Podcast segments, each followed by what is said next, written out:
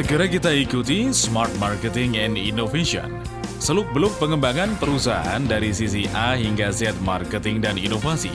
Bersama DSW, pakar dan praktisi bidang marketing dan inovasi, sekaligus Business Development Director SLC Marketing. Selamat sore Smart Listeners Senang sekali saya Didi Cahya kembali hadir menemani Anda di sore hari ini dalam Smart Marketing and Innovation Ah ngeri dikelilingi oleh dokter-dokter Seperti Tampangnya biasa dokter, tapi hatinya masih seperti anak-anak. masih polos. Apa kabar? Uh, keep stupid to innovate, Mbak Didi. Keep stupid to balancing everything. innovate lah tahun lalu ya, apa? Waktu innovate. Ya, ngedredeg soalnya narsumnya ini dokter. Maka Ya. jenengan yang dokter aja ngeredek gimana saya Iya. gitu ya Apa kabar smart listeners di mana pun anda berada? Tapi kita akan menenangkan hati smart listeners sek- sekalian sebab yang kita undang seorang dokter pakar marketing tapi spiritualnya luar biasa. Betul Pasti ayam dengerin suara suara beliau. Kita sapa Iya. Mbak Didi. Iya, langsung saja. Oke, oke. Beberapa minggu yang lalu sebenarnya sudah muncul Betul, suaranya betul. melalui live eh, di kita waktu itu di, Di Samator. Novotel Samator. Iya. Dan sore hari ini beliau sudah ada di studio. Anda yang di Facebook bisa melihat langsung wajah beliau. Oke, baik. eh, saya sapa saja langsung Bapak Dr. Ganjar Chandra PSE MSI. Nggak salah kan? Enggak, enggak. Tapi P-nya itu ada singkatannya. Apa? Ganjar Premananto. Iya. Premananto. Iya. Satu-satunya dosen preman saat Iya. Saya mau ngomong gitu takut cuma ya sudah. Cuman seru Dosen loh. preman ini ya. Yang satu DSW, yang satu GJP, GJP. GCP. Jadi sudah punya singkatan masing-masing. Dan Bapak kita GCP ini Uh-uh. sangat terkenal di Ah. UNAIR, khususnya teman-teman yang ambil Kalau jurusan mahasiswanya enggak kenal ya kebangetan betul. dosen populer ya di UNAIR. Betul dan eh, Pak Gancar sore ini kita berhasil loh temanya saya duluin aja Pak DSW biar nggak ngomong dulu gitu Hmm. Betul, betul. kan eh, temanya New Insight for New Growth gitu Iya, ya siap, siap. kita sadar nggak sih sore hari ini kita mencekoki Pak DSW dengan bisnis entertainment Hmm, Iya iya iya. Iya. Kayaknya menjadi terpengaruh gitu. Betul. Dan pengen menjajal untuk gitarnya Yes. agar lebih profesional. kayaknya. Betul, ini termasuk New Insight bukan Betul. Tadi waktu off air sebelum kita on air ya Mbak Didi ya. Saya tuh cuma tercengang. Wah, bisa juga ya seorang dokter pecinta musik biasanya dokter itu cuma penulis, pembaca gitu ya, pengajar. Nah, rupanya ada seorang dokter yang selain seorang pengajar, penulis, konsultan, beliau juga kepala program studi di MM Unair itu. Sudah ngomong MM Unair sudah level paling tinggi ya. Tapi suka musik Mbak Didi. Nah, nggak sekadar suka dan loh cuma nggak cuma suka nyanyi nyanyinya di dalam juga. nyanyi beliau itu memasukkan apa istilah-istilah marketing. Iya. Ah. Jadi orang bisa ngerti cepat marketing karena dibentuk nyanyi kan, Betul, dinyanyikan. betul. Nah, saya lihat YouTube beliau kirim channelnya. Waduh iya, sakjane aku kudune kok ngene Nah, juga. New Insight kan?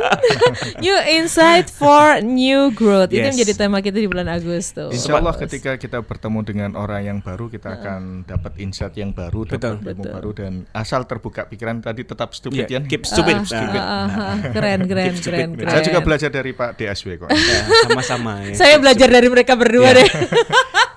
Kita akan kulik hari ini jangan Ayo. kulik saya, Nah, ah. Mbak Didi. Kita Nah, oke. kulik habis Pak Ganjar, Pak GCP ini. ya. Pak GCP. Kita, Monggo. kita kenalin dulu beliau siapa ya. Ya. Oke, saya akan perkenalkan beliau, smart listeners. Bapak Dr. Gancar Premananto atau Mhm. singkatan beliau adalah Bapak GCP. Kepala Program Studi MM Unair. Beliau juga penulis buku Life as a Surfer. Hidup seperti Peselancar. Perselancar, perselancar luar biasa. Ini buku yang luar biasa untuk memotivasi diri kita, khususnya menghadapi revolusi industri 4.0. Ya. Kira-kira seperti Pak, apa Pak Ganjar di dalam buku ini supaya smart listeners ada gambaran. Ya, eh, intinya dalam buku itu kita bagi dalam beberapa topik yaitu mindset Ya. bahwa pola pikir itu kemudian memang menjadi faktor kunci. Kemudian manajemen bagaimana kita berpikir, bagaimana kita merasa dan bagaimana berperilaku itu ada hal yang harus kita ingatkan filosofinya di situ. Jadi sebetulnya buku itu mengingatkan diri saya sendiri sebetulnya bahwa dari beberapa kumpulan tulisan saya yang dulu saya baca lagi, oh iya ya ternyata ada ilmu yang saya dapat di masa lalu gitu. Yang bisa disaringkan kepada diri saya di masa depan. Oke. Karena kan sering kali kita di masa depan nanti lupa kalau tidak dicatat gitu kan. Ya, maka buku itu mengingatkan diri saya sendiri dan alhamdulillah kalau memang bisa mengingatkan teman-teman dan sebagai penutup dikaitkan dengan perkembangan saat ini yaitu masalah revolusi industri keempat Iya. bahwa bagaimanapun kita harus menghadapi kondisi perubahan itu Sangat cepat Ya, sekali perubahannya. cepat Terkadang sekali. kalau yang nggak kuat bisa stres sendiri, Iya. down sendiri. Betul, Eh, ada beberapa mahasiswa kita yang juga memang mengalami stres karena masalah kantor, masalah Iya. pendidikan dan sebagainya. Target yang dinaikkan Ya. perusahaan. Betul betul. Jadi terutama MM nih, Hmm. mereka kan adalah ya bekerja, ya punya rumah tangga juga dan kemudian menambah beban eh. Studi. studinya juga. Jadi ada tiga beban. Jadi Pak Ganjar jangan terlalu banyak kasih PR ya. ya ini anda, hanyalah manajemen waktu saja Iya, sebenarnya. Karena bagaimanapun studi itu adalah pilihan mereka sendiri. Kalau Iya. sudah dipilih dan kemudian dibuat asal-asalan kan itu hal yang kurang baik Iya. juga. Uh, dan intinya adalah sebetulnya sejak zaman Nabi Adam di, di situ sebagai penutupnya. Iya. Sejak Nabi Adam manusia diciptakan itu kita sebetulnya sudah menghadapi perubahan yang sangat dahsyat sekali dari kondisi yang serba nyaman menjadi tidak Iya. nyaman diturunkan ke dunia, Ke dunia. itu. Nah, manusia memang diciptakan untuk mengalami perubahan. Jadi kita tidak boleh takut untuk menghadapi perubahan karena kita sudah dibekali eh, manajemen untuk mengolah akal, hati dan perilaku kita. Dan yang paling penting adalah mindset karena itu adalah yang menentukan kita bagaimana bertindak. Mungkin seperti yang sudah di- banyak disampaikan oleh Pak DSW dan Mbak Didi bahwa eh, mindset itu yang paling penting, terutama mindset untuk growth nanti Ya. akan kita diskusikan ke sana. Nah, sesi pertama adem kan rasanya? Ya. Sudah adem. Tapi kok menjadi mengernyit eh, Mbak Didi? Ini nggak tahu mengernyit ya Mbak Didi ini kenapa? Paham atau enggak gitu ya? Ini tetap smart marketing innovation. Iya, iya, Jadi iya. bukan eh, Dokter Us, eh, Ustadz Fakih, ya biasanya. Iya. Kenapa saya saya mengernyitkan dahi gitu loh? Karena saya berpikiran begini banyak orang yang eh, mengatakan sadar bahwa memang sekarang ini pertumbuhan begitu Iya. cepat, eh, semuanya itu seperti berlari gitu ya. Hmm. Sadar, tapi mindsetnya itu kadang-kadang masih tertutup gitu Iya, loh. Jadi masih sadar teknologi, sadar tek- eh, inovasi, Iya. tapi tidak melakukan. betul, betul. Gitu. Itu yang kadang-kadang membuat mereka frustasi juga, Iya. gitu kan? Jadi yang belum punya buku ini, ini wajib beli nih. Ya, wajib punya gitu. Wajib punya. Oke. Saya lanjutkan masih belum perkenalannya belum selesai nih. Mbak Belum Didi. selesai, Belum oke. selesai nih. Ah, Bapak Ganjar Premananto juga seorang konsultan bisnis di EDP, Unair ya Pak ya. Iya. Kemudian juga memiliki channel YouTube. Nah ini bisa cek Ganjar Project. Di situ banyak sekali. Ah, enggak eh, sampai banyak lah. Cuma baru empat lagu yang kita munculkan. Belum banyak. ini ini saya baru pertama ini dosen tapi juga seorang penyanyi, Iya. entertain ya, entertainer. Dan dan insight yang didapatkan oleh Pak DSW sore hari ini ada Iya. iya, ya ngasih seminar terus ngasih musik-musik kan lumayan ya gitu. Kalau mesin jari Pak, gitar masalahnya, Pak. masalahnya kalau suaranya enak seperti Pak GJ, perapopo. Nah, kalau suara saya cempreng macam gini, Ya udah kalau gitu nanti. Pak DSW main gitar saya nyanyi, Nah, oke? itu masuk masuk akal.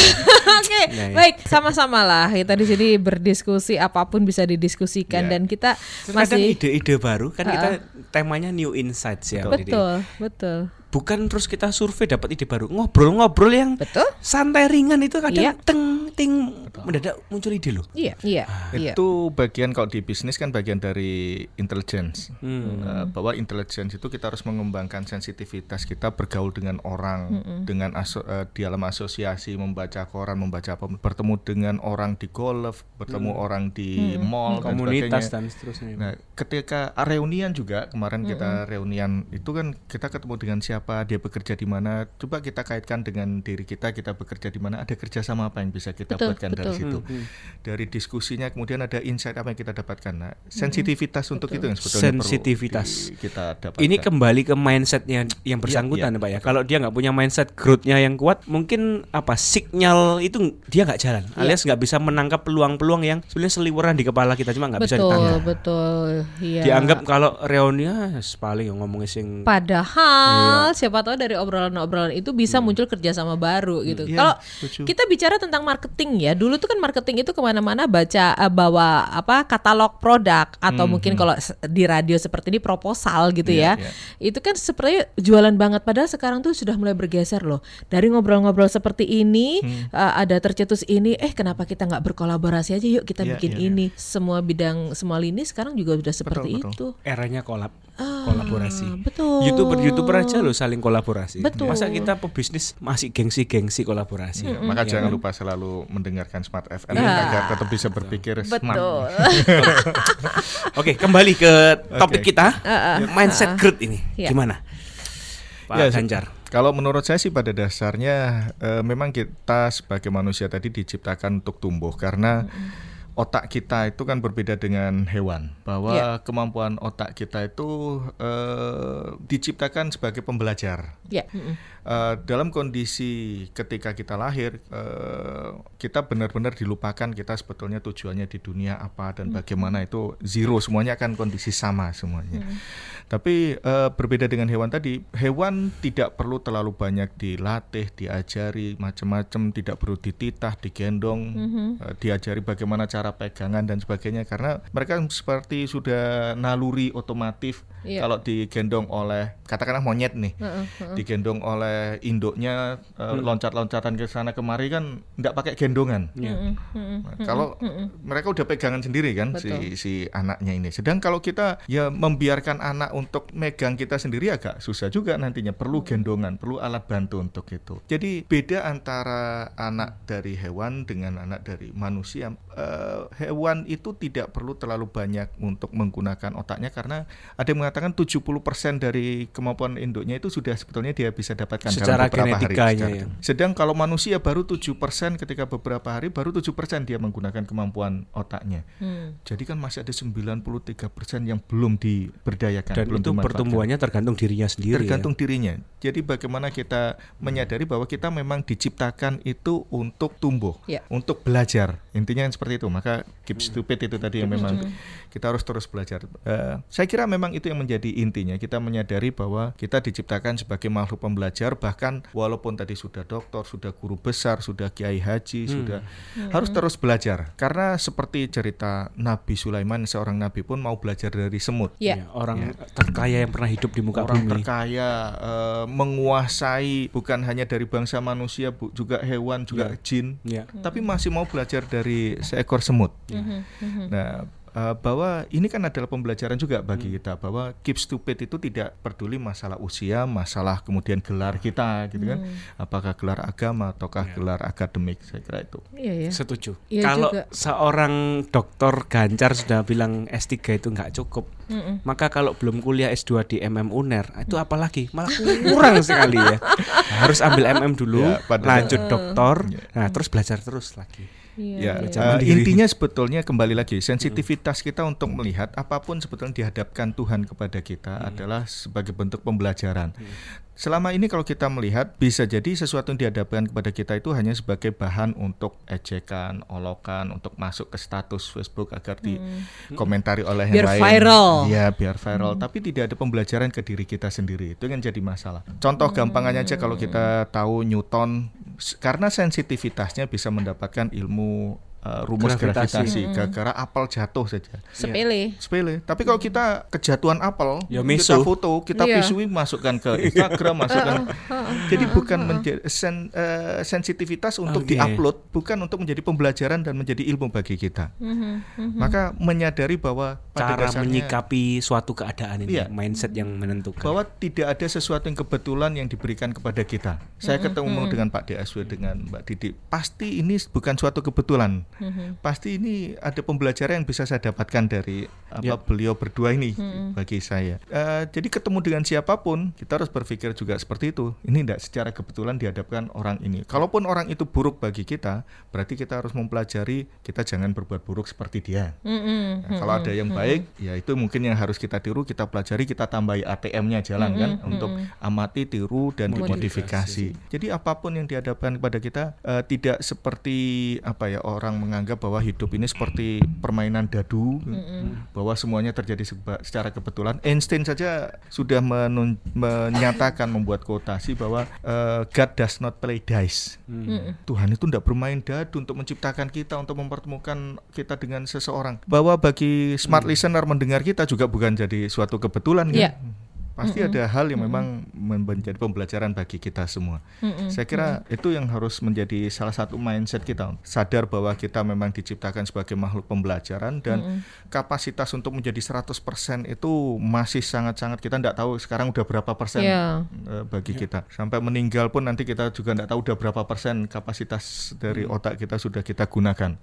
Jangan-jangan masih ya belum separuhnya bisa jadi karena kita belum mencari hal-hal baru di sekitar kita. Menarik Mbak Didi. Bukan ternyata yang menguasai metode survei, metode canggih-canggih ya untuk menemukan insight-insight baru, tapi kembali ke orangnya dulu. Ya. Kalau orangnya belum open mind, belum punya mindset growth yang baik, growth mindset yang baik, nggak ada spirit bertumbuh. Sehebat apa dia punya tools statistik anas apa market research toolnya, nggak akan maksimal juga kalau Segala informasi yang dia diterima ya hanya sekadar informasi. Nggak Iya. bisa menangkap peluang-peluang Dan itu. yang parahnya kan kalau hanya menjadi eh, di apa diolah untuk menjadi sesuatu negatif. Iya. Eh, seperti kalau untuk di masa era politik ini kan eh, bahwa menggunakan stuntman dikomentari negatif.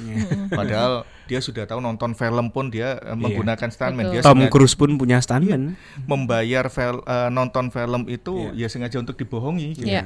Mm-mm, mm-mm. Jadi apakah kita akan menerima itu sebagai po- sesuatu yang positif atau negatif itu tergantung bagaimana kita memanajemeni otak kita dan hati kita. Mau milih yang bagaimana? Iya. Nah itu yang di buku Life as a Server kan itu intinya mindset dulu kita pahami, kemudian bagaimana sebetulnya kita memanajemeni otak, hati dan kemudian perilaku kita. Kembali lagi bahwa saya sendiri juga masih belajar. Eh, saya masih bodoh juga eh, tetap belajar dari apa Pak DSW untuk keep stupid. Itu stupid. quote yang apa sangat menarik buat saya bahwa saya juga masih bodoh dan harus belajar banyak dari siapa pun yang dipertemukan kepada saya. Bahkan kepada anak kecil sekalipun. Kemarin ini saya mau nulis sebetulnya. Saya mau belajar dari anak saya yang kecil itu yang ma- masih lima tahun dan juga belajar dari SpongeBob. Karena sesuatu yang negatif yang menimpa kepada dia dia tidak dendam Iya, iya, iya. kemarin itu anak saya Oh, di, iya, iya. yang di SpongeBob tempat- itu nggak ada dendam memang. Iya, ketawa terus gitu kan. Anak saya kemarin kan di tempat permainan anak, eh, playground gitu dan dicakar sama anak lain sama bekas. Eh, ya pulang nangis, tapi kemudian dia juga ndak sakit hati. Dia ndak sengaja mah dia bilang gitu mah. Oh, Yang dendam orang tuanya gitu. Iya, iya, iya, iya, Jadi, iya, iya. Eh, anak-anak itu ndak punya rasa dendam positif saja dia. SpongeBob juga seperti itu. Jadi kan Hmm. kita semestinya bisa belajar dari hal-hal seperti itu, Pak. Sebagai orang tua kita masih bodoh nih, merasa diri kita udah umur sekian lebih baik. Ternyata kita bisa belajar kalau mau. Langsung Berarti- ke langsung kelingan anak E ya Pak Deswi. Iya, langsung gilingan anakku di rumah ya.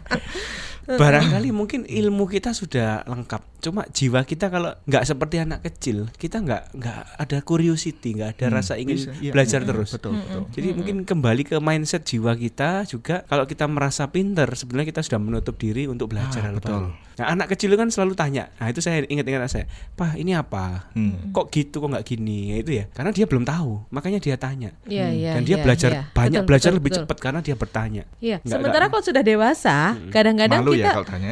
satu satu malu, Dikira dua what? Geblek tau tenanan. yang kedua bisa jadi yang ditanyain tuh gini, nih orang beneran nggak tahu atau pertanyaan retoris ngetes. Iya, pura-pura tok. Iya, kadang-kadang kan gitu ya. Semakin dewasa, semakin banyak prasangka kan akhirnya ya. Jadi setiap ada orang dewasa yang bertanya, kita eh, yang mau jawab juga ini benar-benar pertanyaan yang dia nggak tahu atau dia mau ngetes kita. Yang akhirnya prasangka-prasangka itu yang membungkam si orang tidak mau bertanya atau orang yang ditanyain enggan menjawab. Yes. Mainnya nggak growth juga karena berhenti sampai di situ tidak seperti anak-anak kalau nggak tahu ya nanya aja gitu kan. Oke. Tapi ini menarik Pak DSW ya. Tadi kan eh beliau ini ibaratnya kaitannya dengan pendidikan bisnis, nggak main-main. Beliau itu kaprodi loh, tapi cek totolan tas ibaratnya. Jiwa Nah, entrepreneurnya kelihatan. Berarti- tas ini bukan punya Bukan- saya pribadi. Ah, Ini ah, instansi. iya. Iya. Untuk eh, makanya ini ini menarik gitu loh. Jadi eh, ibaratnya belajar di bawah Anti institusi itu. mainstream. Iya, itu bukan sekadar teori. Seorang akademik si akademisi yang anti mainstream. Ah, bukan bukan sekadar teori tapi dipraktekkan juga di Ya, uh, saya lingkungan membayangkan ini pasti ya. dicintai banyak mahasiswa-mahasiswa. Kalau mahasiswa saya takut malah. Pak. Saya Mahasiswi. masih setuju, setuju. iya, nah ini kita kalau bicara tentang pen- pendidikan bisnis ya Pak Ya. DSW ya. Ini nih Gimana? gimana monggo mau di Terkait pendidikan bisnis nih sekarang Pak Gancar. Kita sebagai edukator kan juga selain membekali mahasiswa kita terkait teori konsep ya, tapi bagaimana menanamkan growth mindset ke anak-anak didik kita ini supaya mereka waktu menghadapi realita ya dunia bisnis yang nyata, khususnya anak-anak MM pasti kan sudah profesional sudah bekerja iya, ya. betul. Itu gimana Pak? Siasat dari MM Unair selama ini? Sebelum masuk ke sana, eh, s- tadi kita kan bicara masalah eh, mindset itu harus dibangun dari diri sendiri. gitu. Nah, selain kemudian dari diri sendiri membangun mindset itu, lingkungan juga sebetulnya harus mendukung. Hmm. Bagaimana kalau misalnya ketika si anak memunculkan ide A, ide B dan kemudian kita anulir begitu saja kan? Atau eh, di dunia pendidikan ketika menggambar pemandangan itu hanya dua Mm, gunung seperti gunung. itu dan tidak boleh memandang pemandangan itu yang lain-lain. Tong sampah itu juga bisa jadi pemandangan. Eh, Kan fotografer itu sebetulnya melihat sampah itu malah jadi suatu pemandangan tergantung dari angle-nya. Nah, tapi kalau dunia pendidikan kita lebih mengarah pada sesuatu yang seragam, nah itu akan juga mematikan. Bisa jadi ketika kita tanya misalnya ada mahasiswa apa mahasiswa atau siswa yang tanya dan kemudian yang lain melihat dengan pandangan yang bagaimana, nah itu kan juga lingkungan tidak begitu mendukung. Betul, betul. Jadi sebetulnya kita juga memerlukan adanya lingkungan yang mendukung, termasuk lingkungan pendidikan. Saya kira. Nah, eh, bahwa kembali pada mau bagaimana sebetulnya lingkungan pendidikan kita, terutama lingkungan pendidikan bisnis yang kalau kita melihat dari eh, konsultan McKinsey, McKinsey. eh, bahwa apa yang harus dilakukan oleh pendidikan bisnis berkaitan dengan masalah growth itu adalah yang pertama ada dua hal saja sih sebetulnya yang disarankan finding dari eh, hasil temuannya beberapa riset. Yang pertama itu eh, harus dibentuk tidak hanya me- student yang baik itu tidak hanya student yang menyiapkan diri saja, Student yang tapi baik. growth student adalah yang juga melakukan sesuatu di luar apa yang diharapkan. Jadi misalnya Oh, iya. tugasnya hanya mengumpulkan lima halaman. Mm-mm. Kalau kemudian dia do more than that, nah berarti dia ada potensi untuk menjadi student yang paham terhadap masalah growth mindset itu. Hmm, melebihi ekspektasi Ya. dosennya Dan- kalau itu konteksnya mahasiswa ya. Iya. Dan siswa ini juga harus ready to find something new, bukan hanya masuk itu hanya eh, ya pokoknya saya menerima aja apa pun yang dikasih terserah gitu kan. Seringkali mahasiswa itu mungkin ya kalau di S2 itu sering kali pokoknya dapat gelar gitu. Nah, ini kan sesuatu yang wasting money, wasting time juga kalau hanya untuk dapat gelar saja. Karena ketika di dunia pendidikan ini sebetulnya banyak hal yang bisa dia dapatkan dari buku, dari diskusi dengan teman-temannya yang sama-sama profesional, ada networking, ada kesempatan konsultasi dengan dosen yang juga menjadi konsultan. gitu. Banyak hal sebetulnya bisa dia dapat. Eh, ready to find something new. Dia sudah tahu banyak hal di dunianya, di dunia profesionalnya. Maka apalagi yang bisa didapatkan dari dunia pendidikan, dari guru-gurunya, dari temannya, dari buku. Nah, maka mindset itu yang harus dida- eh, dimiliki oleh seorang mahasiswa atau seorang siswa. Eh, ready to improve. Tadi kan keep stupid tadi. Eh, karena sering kali ketika kita menutup seperti yang tadi disampaikan oleh Pak DSW, otak itu tergantung kita. Apakah kita seperti gelas yang tertutup? Karena kalau kita sudah merasa pinter, kita bilang tidak tahu aja ya udah tidak tahu. Kita bilang tidak bisa ya udah tidak bisa. Karena kita memerintahkan otak kita untuk memang tidak bisa dan tidak tahu. Nah, tapi kalau kita ketika berdiskusi, kita melihat ada apa yang kita bisa ambil dari orang ini. Ya. Eh, dia latar belakangnya seperti apa, apa yang kemudian bisa kita kolaborasikan dan seterusnya ilmu apa yang bisa kita dapat. Nah itu insya Allah kemudian kita ready to improve ourselves gitu ya. Kita siap untuk meningkatkan, menjadikan diri kita growth. Nah jadi memang dari hasil risetnya student yang em, punya mindset growth ini akan mempunyai performance yang lebih baik daripada student yang mindsetnya statik, Ya. yang kemudian hanya ya pokoknya menghadapi aja, jalani aja gitu. Hanya eh, jadi tidak benar-benar untuk do something else, do something more, terus kemudian mencoba mencari ilmu-ilmu baru. Mm-mm. Oke, Itu yang pertama. yang pertama, oke, Yang pertama adalah kita melakukan personal kaizen. Uh, continuous improvement itu pada dasarnya bukan hanya pada organisasi saja, tapi kita berlakukan untuk diri kita sendiri. Kita harus punya catatan tahun kemarin kita sudah ngapain, tahun depan kita mau ngapain lagi. Nah itu kan Ya. mindset untuk growth itu kan seperti itu. Tidak kemudian berada zona nyaman. Tahun depan saya ngapain ya? Hal apa yang membedakan dengan tahun yang kemarin? Mm-mm. Kalau tahun ini saya sudah buat rekaman CD uh, mini CD itu ada empat lagu yang sudah saya ciptakan. Tahun depan mau ngapain lagi? Masa Iya. bikin CD lagi? Saya bukan penyanyi, bukan artis, maka saya tidak bisa terjun ke dunia itu. Maka harus berpikir apa lagi. Nah, itu adalah sustainable improvement untuk diri kita sendiri harus kita lakukan. Nah, yang kedua hasil temuan dari McKinsey adalah bahwa di dunia pendidikan bisnis itu dosennya, gurunya itu harus me- mengamalkan apa yang disebut blended directed inquiry teacher. Jadi bisa proses pembelajaran Blended, blended directed, directed. inquiry teacher. Directed itu de- eh, teacher yang berpola directed itu kan memang mengarahkan eh, pembelajarannya klasikal. Dia menunjukkan begini begini dan seba- eh, di diskusi dia sebagai apa sosok utamanya lah untuk yang eh, dalam forum diskusinya. Nah, itu kan yang tradisional seperti itu. Harus ditambahkan juga teacher yang berpola inquiry Hmm. yang mendorong siswanya untuk mencoba mencari sendiri, menelaah sendiri, dapat ilmu apa. Iya, iya. Karena bisa jadi eh, masalahnya sama yang didapat ilmunya beda-beda. Betul. Nah, itu nanti arahnya bisa experiential based learning, pembelajaran berbasis mereka mengalami sendiri. Nah, eh, itu yang kemudian juga kita coba lakukan di MM ini bahwa kita arahkan manus eh, mahasiswa untuk menjadi inovatif leader. Nah, untuk menjadi inovatif itu artinya harus bagaimana? Ya ada IBL itu karena inovasi kan tidak bisa diajarkan sebetulnya, Iya. Pak. Hmm. IBL itu singkatan apa, Pak? Experiential based learning, Oh, pembelajaran oke. berbasis pengalaman, mengalami sendiri. Kalau kita mengatakan bahwa kita harus inovatif, Anda harus inovatif. Lah gimana caranya inovatif, Pak? Itu kan susah kita mengajarkan. Betul, betul.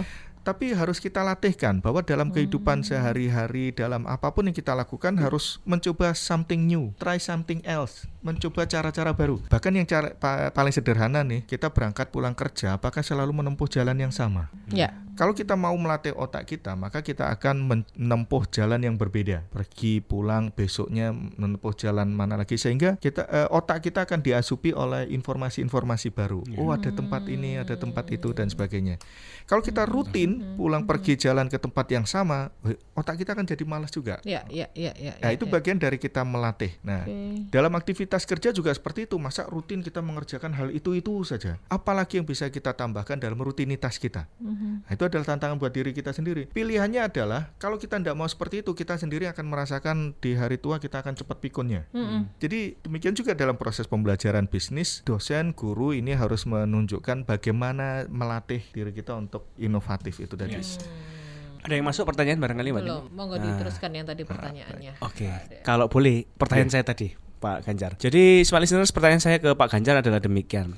Contoh growth mindset ini eh, ilustrasinya kalau di kampus kan mahasiswa itu bisa memberikan yang terbaik dengan tanda kutip karena motivasi supaya lulus dapat nilai Baik, bagus baik. dari dosen. Atau seorang profesional pekerja atau karyawan memberikan suatu pekerjaan prestasi yang baik supaya apa? Ya paling nggak gak dipecat lah gitu ya. Iya, supaya iya, dapat iya. karir yang bagus, bonus dan seterusnya, supaya disayang atasan. Oke, ada motivasi untuk selamat lah kurang lebih ya. Iya. Tapi bagaimana untuk business owner Pak? Di mana dia yang punya bisnis, ya dia sendiri yang menentukan digaji berapa, dia nggak punya atasan, ya supaya business owner ini punya growth mindset Yes. Iya, dan selalu belajar hal baru terus bagaimana? Saya kira saya insight pernah ini. belajar dari Pak DSW juga deh bahwa intinya kan perubahan itu sesuatu yang niscaya terjadi. Cuman pilihan kita adalah apakah kita mau merubah ataukah dirubah. Mau sukarela merubah diri ataukah kemudian dipaksa untuk berubah. Ya. Beberapa pemilik eh, bisnis itu kan sering kali mungkin harus dipaksa dulu. Dia merasa UKM misalnya. Loh saya gini-gini aja udah bisa nyekolahin anak-anak saya sampai pendidikan tinggi, bisa naik haji. Itu that's enough. gitu. Saat ini mungkin bisa eh, tetap survive seperti itu, tapi tidak bisa dalam kondisi ke depan tetap dalam kondisi itu karena lingkungan akan berubah. Ya. Eh, zaman dulu, zaman dinosaurus sampai zaman sekarang kan ter- itu terjadi perubahan Betul. Teknologi lah kita makanya mengenal ada revolusi industri 1, 2, 3, 4 itu sebetulnya bukan revolusi tapi evolusi industri. Oh. banyak orang mengatakan ini Ya, bukan ya. revolusi ini evolusi. Karena perubahannya itu sebetulnya Nyambung. tidak ya? drastis, Drastis. artinya bisa kita pelajari bisa kita pahami dan kita harus mencoba mengikuti itu. Kalau tidak mau mengikuti maka ya kita sendiri akan tergilas. Eh, ya katakanlah social darwinism lah Eh, kan menggunakan mengaplikasikan teori Darwin bukan yang bahwa nenek moyang kita monyet Mm. tapi kan bahwa siapa yang tidak bisa mengikuti arus mengikuti perubahan ya bisa tergerus. Hmm. Raksasa-raksasa bisnis kita yang dulu berjaya kan sering kali hilang karena faktor itu dia bisnisnya ya Mendadak hilang gitu Ya, aja. ya. mendadak hilang. Jadi karena tidak mau merubah dirinya. Jadi merubah ataukah dirubah, Dirubah. itu pilihannya. Quote yang bagus. Eh, mengubah. Eh, Mengubah, Mengubah Kalau atau dirubah diubah. itu jadi ya. dia nanti jadi rubah mengubah atau diubah. ya, Kita yang bisa Salah. menjawab. ya. Sebelum kita diubah dan kita kaget, sebaiknya kita mulai mengubah detik ini juga. Intinya adalah bagi diri kita tadi coba kita melis kira-kira apa capaian sudah kita dapatkan di masa lalu untuk kemudian kita syukuri capaian-capaian itu saya kira dan kira-kira capaian hal baru apa lagi yang berusaha kita dapatkan di masa depan. Saya udah dulu nih tahun lalu saya tuh nggak pernah nyiptain lagu. Alhamdulillah bisa nyiptain lagu, bisa rekaman. Nah itu udah pencapaian. Tapi tentunya that's enough. Saya nggak terjun jadi artis, maka Iya, that's iya, enough. iya, Maka saya harus mencari yang area-area baru yang baru. lagi. Apalagi nih, nah ini yang masih. Kelihatannya Dulu saya pernah punya main. bakat stand up juga. Enggak, kalau stand up saya enggak ya. Gitu. Dulu waktu masih SD pernah masuk grup lawak, grup pantomim juga pernah. Oh. Ketika kul eh, ke tahun 2012 pernah main ludruk jadi sutradara ludruk juga 2012, 2013, 2014. Artinya itu udah hal yang pernah saya alami. paling nggak sudah pernah mengalami eksplorasi diri kita sudah kita eksplorasi Sehingga kita menemukan sesuatu yang baru Betul. tadi kan. New insight tuh kalau kita bertemu dengan orang baru mencari sesuatu yang baru, insya Allah nanti kita akan dapat new growth lah. Itu kan inti dari diskusinya, Pak. Iya, iya, iya. habis ini seminarnya Pak Des ada genjrengan kita Nah, kita tantang coba. Iya, Bagaimana iso gitar biasanya nyanyi itu masalah ya. ada penyanyi, ah, ada penyanyi. penyanyi. Pembukaan nanti dengan diiringi gitar. keren gitu. keren Wah. keren oke ini tapi kayaknya kalau diterus-terusin nggak selesai-selesai ini Iya, seru ya karena kalau kita bicara tentang new insight gitu pola. terus terang sore hari ini siaran ini yang saya rasakan bukan berarti yang minggu-minggu lalu tuh gitu-gitu aja enggak saya selalu mendapatkan new insight setiap Senin tapi Iya. yang kali ini banyak banget gitu karena eh, Membumi, kita aplikatif. Ah, ah. Langsung ke Boleh saya personal kita. tambahkan satu lagi? Monggo silakan Sebagai penutup nih. iya Wah, sekaligus untuk kesimpulan bicara masalah merubah mindset Ah, ah. dari diri kita sendiri dan kemudian perlu lingkungan termasuk sekolah bisnis yang dipilih itu harus bisa membuat lingkungan yang mendukung orang yang tidak takut untuk bertanya, Iya, berpendapat, iya, iya, berdiskusi, iya, eh, menyatakan pendapat yang berbeda. Nah, kalau di mata kuliah etika bisnis kan kita malah kemudian siapa yang pro, siapa yang kontra, Iya. tidak ada yang salah di situ. Karena namanya etika itu eh, tergantung argumentasi yang kemudian dibawa. Yang paling penting juga adalah kita berdoa agar selalu dikaruniai kesempatan untuk bertemu dengan orang baru, kemampuan-kemampuan untuk mendapatkan hal-hal baru juga. Jadi doa itu tetap harus muncul karena ini nilai penting juga. Kan mungkin saya pernah menyatakan ya di di pertemuan kemarin. Salah satu tokoh inovator yang harus kita lihat itu adalah Nabi Nuh. Mm. Karena inovatif sekali di daerah yang gersang buat kapal bahkan di gunung bikinnya. Lah kan itu sesuatu yang aneh di pandangan orang sangat-sangat mind blowing banget ngapain bikin kapal di Atas gunung. Tapi bagaimana menciptakan sesuatu yang benar-benar inovatif tanpa salah, tanpa celah dan harus langsung sukses? Itu harus ada Harus kita inspirasi. pelajari dari inspirasi langsung, Langsung dari- langsung di, dibimbing langsung oleh Tuhan. Iya, betul. Nah, maka kita harus berdoa agar selalu dibimbing, dibantu agar bisa mendapatkan insight baru kepada orang lain juga bisa memberikan wawasan baru dan sebagainya. Jadi tiga hal itu dari diri kita sendiri, dari lingkungan dan jangan lupa yang paling penting Spiritual. urusan ke atas. Ke atas. Jadi seperti tadi saya bilang untuk anda yang mungkin mentok terus ya nggak dapat dapat new insight berdoa. Ya, Bisa ditarik kesimpulan apa Pak DSW? Eh, kesimpulannya adalah kita sudah belajar banyak setiap Senin.